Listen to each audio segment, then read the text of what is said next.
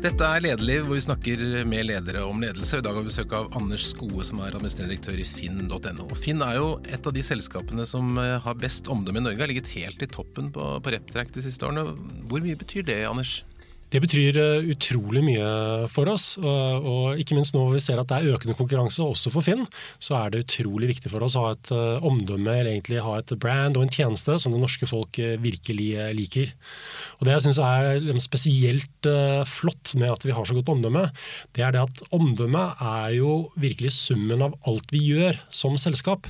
Det er ikke bare hvordan folk oppfatter, oppfatter merkevaren vår, men det er også hvordan vi ter oss når folk kontakter kundesenteret vårt, når folk folk kommer på intervju, hvordan vi oppfører oss i kundemøter osv. Så, videre. så dette omdømmet vårt det er virkelig noe som alle i Finn står bak. Hvor, hvor, mye, hvor, mye, er din ære?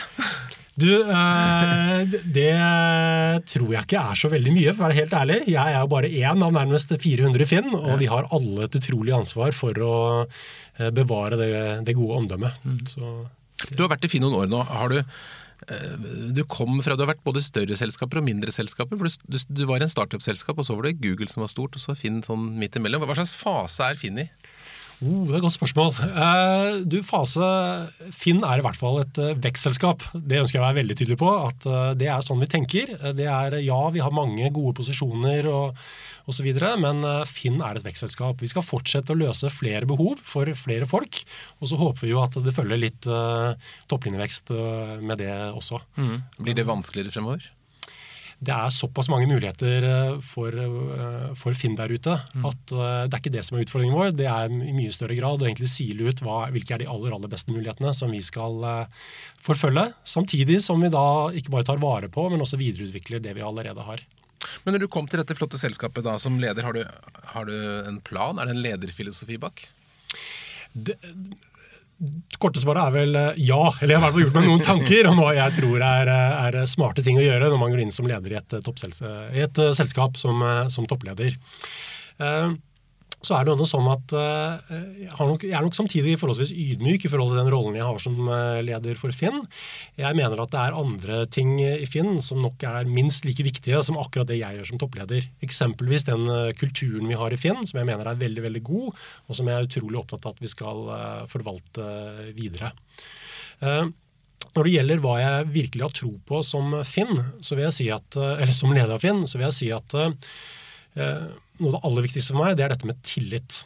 Og tillit, det tenker jeg på egentlig i alle veier. Det betyr at uh, jeg ønsker å ha veldig stor tillit til at uh, de som rapporterer til meg, men egentlig alle i Finn, har evne og rom til å kunne utføre det de ønsker å, levere på.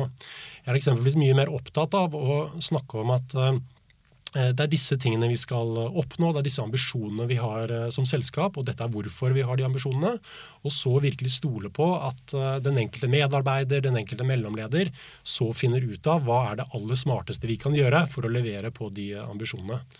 Så det er virkelig noe jeg, jeg setter i fokus, nettopp dette her med, med tillit, og tillit til at medarbeiderne er vel så godt skikket som meg til å kunne ta gode beslutninger som driver oss fremover. Du snakker om kulturen. Hva er det som er bra med Finn-kulturen? Nå nevnte du at jeg kom fra Google. Det er jo eh, et selskap som også er veldig opptatt av kulturen sin. Og jeg tror liksom alle i selskapet kan fortelle deg hva eh, verdien er. Når jeg kom til Finn, så ble jeg så glad. fordi da var det virkelig sånn at eh, i Finn så har vi også et sett med verdier som ikke bare dukker opp på liksom, hjemmesidene våre, men som alle kan på rams. Og ikke bare det, men alle kan faktisk forklare hva hver av disse verdiene betyr. Du må nesten si hva det er. Ja, ja, det skal jeg gjøre. Så verdiene våre det er sult, takhøyde, presisjon og ikke minst humør.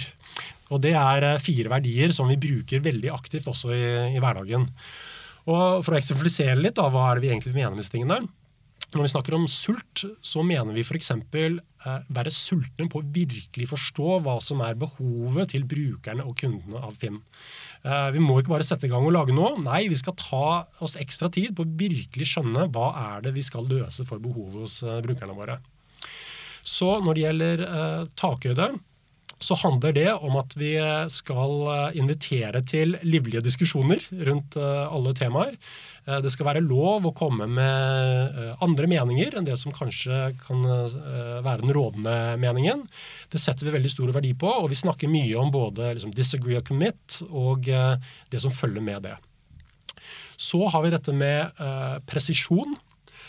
Og det handler strengt tatt ikke om at vi skal liksom ha en innertier hver eneste gang, men det handler mer om at vi skal eh, snakke om hva som er godt nok. Det handler om å eh, eksperimentere, og gjennom eksperimentering finne ut hva som er en god måte å løse et eh, kunde- og brukerbehov på. Og til syvende og sist så har vi da eh, humør. Eh, vi er bevisste på at eh, når det kommer til stykket, så er, er jo Finn bare en jobb. vi må sette det litt i perspektiv. Og vi må ikke minst passe på å ha det moro. Og vi har jo masse events og, og, og moro, får jeg si, da, i, eh, i Finn. Mm. Men du sier sult det er spennende. for at, Hvordan klarer man å opprettholde sulten i en virksomhet som jo tross alt er så sterk og så dominerende? Det er jo noen markeder dere nærmest eier. altså Det må jo bli annerledes enn når man er en sånn liten startup-virksomhet? Ja. Eh, jeg opplever at det er veldig høy grad av sult i Finn. Mm. Og hvis vi går tilbake til eh, den perioden da jeg overtok Finn, da var det jo sånn at hvis du så rent økonomisk på utviklingen i Finn, så hadde jo den faktisk stagnert lite grann. Og eh, hva skal jeg si, En versjon av det som da hadde skjedd eh, de forutgående ti årene, det var jo at Finn hadde tatt markedsandeler i, i markeder som var voksne. Eiendomsmarkedet beveget seg fra print til online, det samme med jobb, det samme med motor og til en viss grad torget. Og da var vi jo strengt tatt litt usikre på liksom, har vi nå nådd uh, maksen. Eh, har vi liksom nådd peak Finn, for å si det sånn. Men det vi har sett, er jo det at innenfor de områdene hvor vi opererer, så finnes det fremdeles utrolig mange muligheter for oss til å kunne løse behov både for kunder og brukere på mer spennende måter. Og jeg kan gi et par eksempler på det. En ting vi da har gjort de siste sånn to-tre årene, det er jo å sett det at eh, når folk er på jakt f.eks. etter en eh, bil, kjøpe en brukt bil, så har de også behov for eh, å finansiere det kjøpet, og gjerne også forsikre det objektet de kjøper. Og da har vi sett at her kan vi skape en bedre brukeropplevelse ved å legge til rette for at folk kan finne en god finansieringsløsning eller en god forsikringsløsning på Finn. Så Det er eh, ett eksempel på hvordan vi kan være sultne på å videreutvikle eh, posisjonene vi allerede har etablert. I tillegg så eh, har vi også jobbet med å etablere nye posisjoner og nye virksomheter i Finn. Det siste eksempelet som kanskje du har fått med deg, det er at vi har lansert noe vi kaller for Finn Shopping. Og Det er jo nå da en erkjennelse av at av og til så ønsker folk å kjøpe nytt og vi kan hjelpe folk med å orientere seg i markedet når de skal kjøpe noe nytt. Og For øyeblikket så fokuserer vi da først og fremst på eh, møbelsegmentet. hvor vi ser at det er i dag utrolig vanskelig å få en oversikt over alle de ulike møbeltilbyderne. Så, men det kan du få nå når du, når du kommer på Finn. Mm. Men det må jo være vanskelig, for det, Dere er på en måte veldig privilegerte, for dere har en enorm kundebase, har kjempegod teknologi og masse penger sikkert. og alt mulig. Sånn, dere må få veldig mange muligheter. Hvordan, hvordan klarer dere å styre og velge så dette skal vi gå for, dette skal vi ikke gå for? Eh, det korte svaret er at det er ikke så lett. Nei. For det er jo utrolig mye vi ønsker å gjøre, eh, rett og slett. Og, men samtidig så må vi jo si at det er jo et luksusproblem. Eh, virkelig, altså. Og det er jo gøy å se at vi kan ta utgangspunkt i det vi har, og videreutvikle både ja, det eksisterende vi har, men også ta nye posisjoner. Det vi i større og større grad bruker hva skal jeg si, som verktøy når vi tilnærmer oss dette, det er det jeg vil kalle for porteføljestyring, rett og slett. Altså, vi ser at i vi må ha ulike forventninger og krav til ulike deler av virksomheten vår. Eh, F.eks. innenfor en del av de større eh, områdene våre, som eh, jobb, som eiendom, som motor så handler det nok litt mer om å kanskje inkrementelt videreutvikle de posisjonene. Mens når det gjelder sånn som shopping, da, det er jo et nytt segment vi har. Det handler kanskje mer om å drive eh, bruk eh, og trafikk i den fasen vi er i nå, hvor eh, lønnsomhet og inntekter det kommer til å komme litt lenger ned i, eh, i veien. Og da, da, har vi et eh, bevisst forhold til hvordan vi allokerer både Eh, hva skal jeg si, eh, ledelsens oppmerksomhet og ressurser mm. inn på de ulike områdene, og, og prøver jo da å finne riktig balanse. Men du, du, sa du har 400 mennesker, det er sikkert 400 meninger om også hvilken vei dere skal gå. Hvordan klarer du liksom å dra med organisasjonen i, i valgene? Vi er opptatt av, i hvert fall som ledergruppen i Finn, at vi sitter ikke med alle svarene. Det er eh, virkelig slik at det er andre i Finn som sitter på bedre kunnskap på de uh, områdene vi opererer i, enn det, enn det, vi gjør. Så når vi skal ta beslutninger om å investere, gå videre eller eventuelt ikke gå videre med visse ting, så er vi opptatt av at vi involverer uh, de i Finn som uh, har best greie på, på, sakene, rett og slett. Men så har du jo, du har jo helt rett. altså Det er jo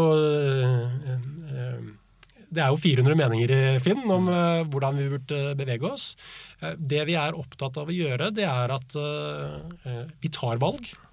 rett Og slett. Og når vi har tatt de valgene, så kommuniserer vi valgene.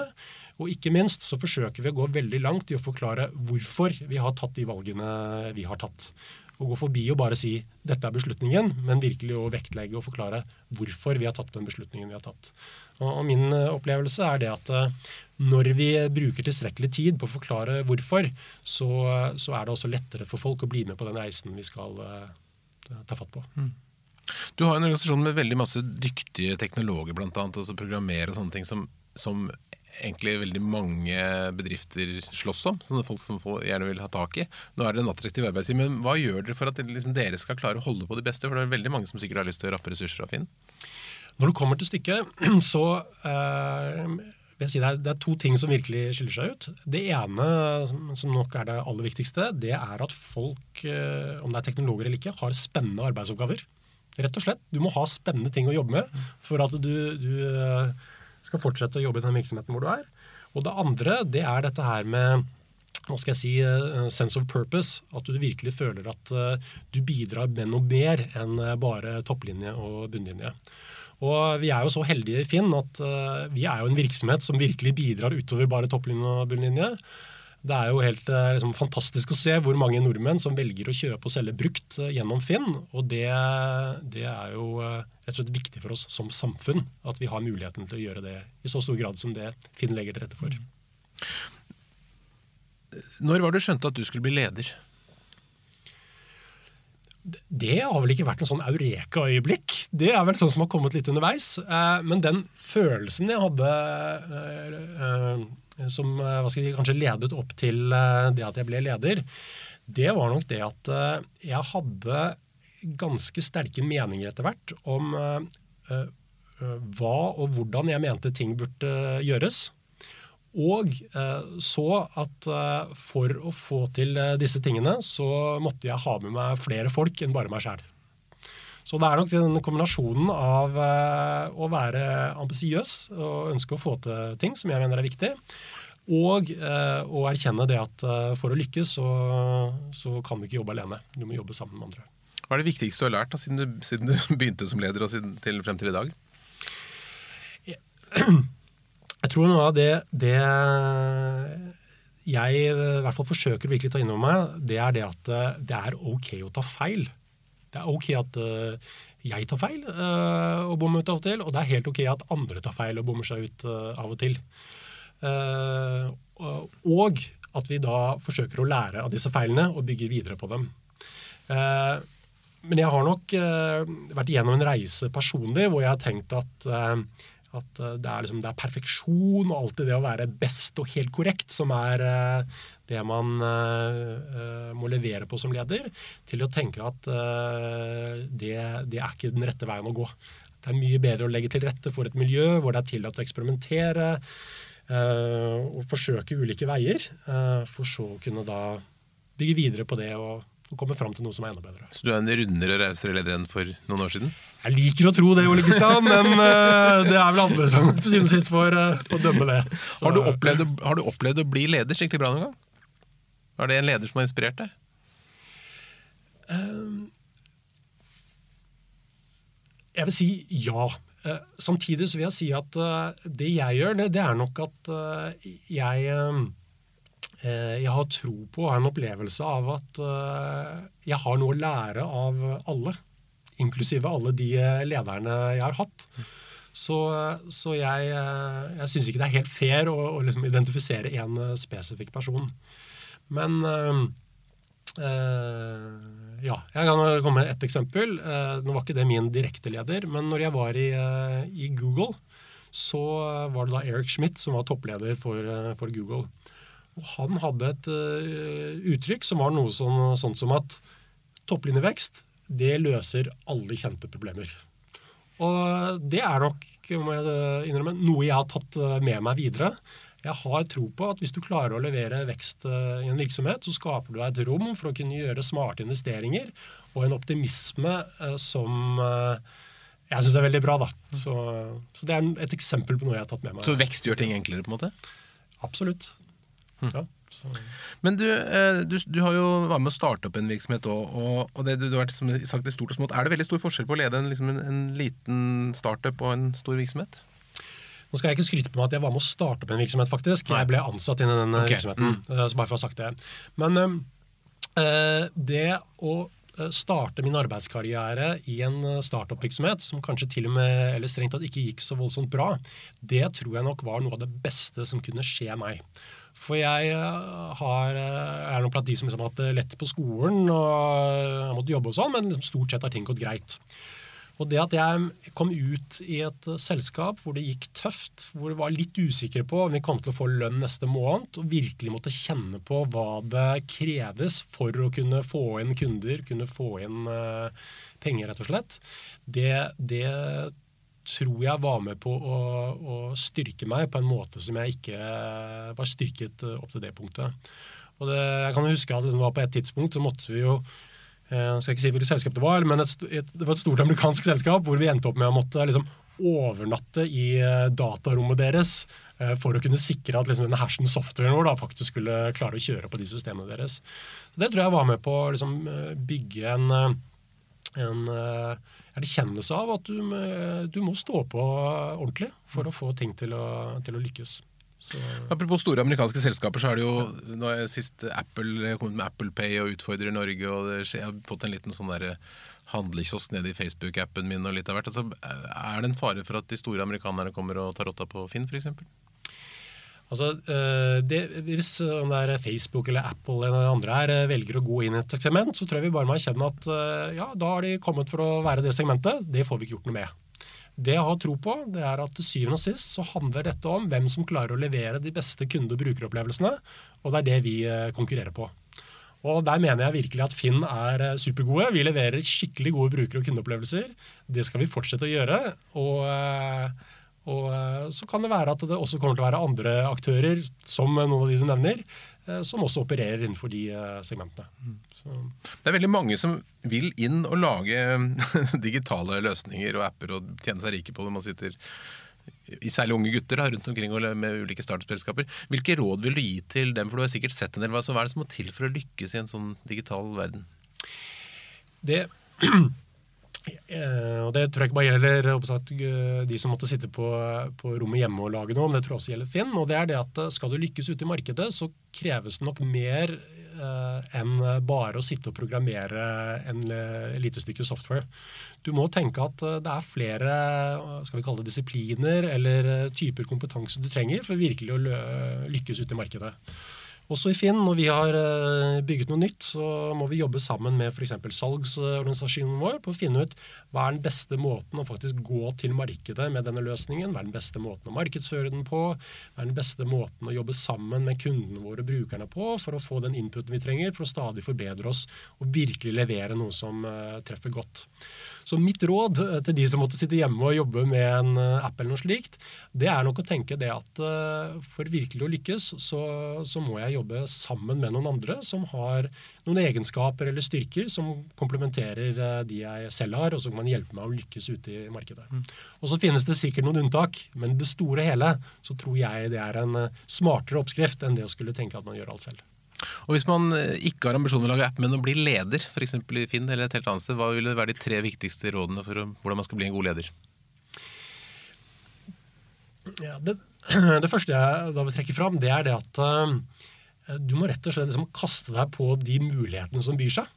Uh, det er ikke sikkert at den muligheten byr seg er liksom akkurat den du hadde tenkt uh, ville by seg. Men søren er det altså når det byr seg en anledning til å gå inn i en ny rolle, som eh, om det er personalleder eller om det er leder et prosjekt, så vil jeg si eh, forfølg den muligheten. Eh, jeg kan garantere at du kommer til å lære noe der som du kan bruke videre. Og, det, og det, det, mener jeg virkelig. Liksom, kast deg ut i de, i de mulighetene du har. Det andre, og det snakket vi litt om tidligere, det er at nå er det ikke sånn at man alltid går med lua i hånda, men, men uh, vær litt ydmyk når du går uh, inn i disse situasjonene. Det er lite sannsynlig at du sitter på alle de beste løsningene sjæl. Og ikke minst ved at du involverer folk på en god måte, så sikrer du også at de føler eierskap til og føler at det dere har kommet fram til, det er også noe de har vært med å utarbeide. Og Da skaper du nok en entusiasme du, og motivasjon som ellers kan være vanskelig å, å få på plass. Og så eh, eh, og det, det, er også sånn man kan gjøre uten man, at man nødvendigvis har en si, formell lederposisjon. Eh, det å, å, involvere folk og, for å få dem med seg. Og så Eh, for å komme med en eh, tredje ting, nå var vel spørsmålet ditt hvordan bli leder. Eh, var det ikke, eller, eller fortsette å bli, ja. Eller fortsette å bli. Det, det er nok det at når du er leder, så leder du jo først og fremst folk. Og eh, det å tenke på hvordan du, du, eh, bygger et nettverk rundt deg som både kan hjelpe deg med å lykkes med de tingene du ønsker å få til, men også være med på å identifisere nye muligheter som måtte dukke opp, eller være døråpner, det tenker jeg er eh, noe som er verdt å, å tenke på. Og det, det, kan jeg også si at rundt det siste der, nå har jeg, hatt, jeg har bodd veldig lenge i USA og ikke så lenge i Norge. Og, når jeg kom og flyttet til Norge, så merket jo det det at eh, jeg ikke hadde et spesielt stort nettverk i Norge.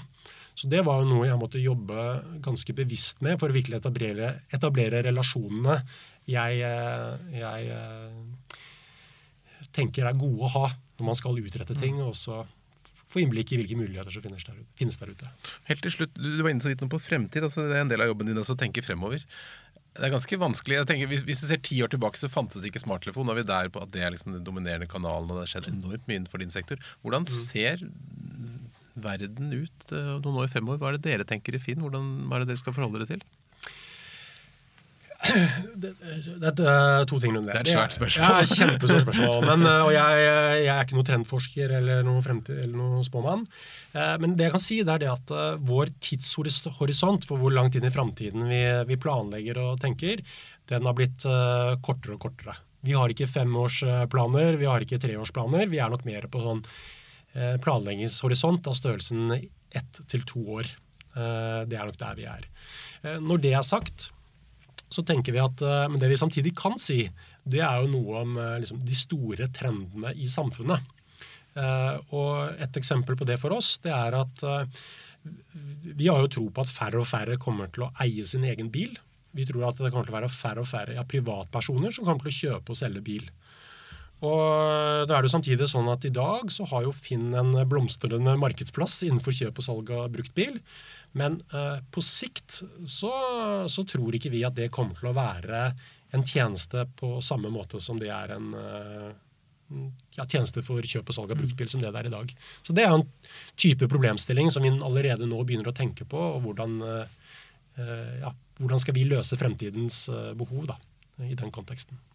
Er det um, andre ting som du ser for, for deg kommer til å forandre seg, bortsett fra at vi kommer til å eie mindre og leie mer? Det det snakkes mye om nå, det er jo dette her med, med maskinlæring, kunstig intelligens mm. og, og, den type ting. Og det Nå var jeg borte da, i San Francisco for uh, to uker siden, som mange er, og så uh, hvor langt man har kommet der borte med tanke på å bruke kunstig intelligens og, og maskinlæring. Og det der, det, det kommer for fullt. Det, det, kommer til å bli som strøm og, og internett etter hvert. Det kommer til å være overalt. Og uh, der tror jeg nok Eh, veldig mange av oss, inklusive Finn, nok ikke har tatt ordentlig inn over oss ennå hva, hva, dette egentlig kommer til å bety, og hvor potensielt revolusjonerende det kommer til å bli eh, med tanke på hvilke tjenester vi bruker, og hvordan vi bruker dem. Mm. Tror du det kommer til å forandre ledelse? Får vi en sånn litt assistent som sier hva vi skal gjøre som ledere, så vi slipper å tenke selv? Eh, i det all, jeg er nok blant de som tenker at i det store og hele så vil det nok være sånn at vi bruker uh, maskiner, inklusive kunstig intelligens, som et hjelpemiddel. Uh, jeg tviler på at det kommer til å være maskiner som tar uh, alle beslutningene som i dag tas av ledere rundt omkring. Men at uh, det er en del uh, mer repetitive oppgaver som man kommer til å stole mer og mer på at maskiner tar på en god måte, uh, det har jeg tro på. Så er jeg en teknologioptimist. jeg tror at når maskiner tar over flere og flere repetitive oppgaver, så kommer det til å frigjøre ting, eller tid, for eh, oss eh, som ledere. Vi klager jo fælt på at vi er så opptatt av f.eks. Eh, til å satse på, eller bruke tiden vår da, på andre ting enn kanskje det vi gjør i dag. Hva vil du gjerne bruke mer tid på? En ting jeg gjerne vil bruke mer tid på, er jo faktisk å være ute og snakke med kunder. Det er jo noe man, eller i hvert fall jeg, veldig gjerne skulle brukt enda mer tid på men som eh, ofte kan bli vanskelig fordi det er andre oppgaver eh, hjemme på kontoret som man må håndtere. Så kanskje jeg kan få litt hjelp av en maskin der etter hvert. Anders God, takk for at du kom til Lederliv. Tusen takk for at jeg fikk komme. Takk for at du har lyttet til Lederliv, en podkast produsert av Apeland. Trykk abonner, så får du et varsel neste gang det kommer en episode.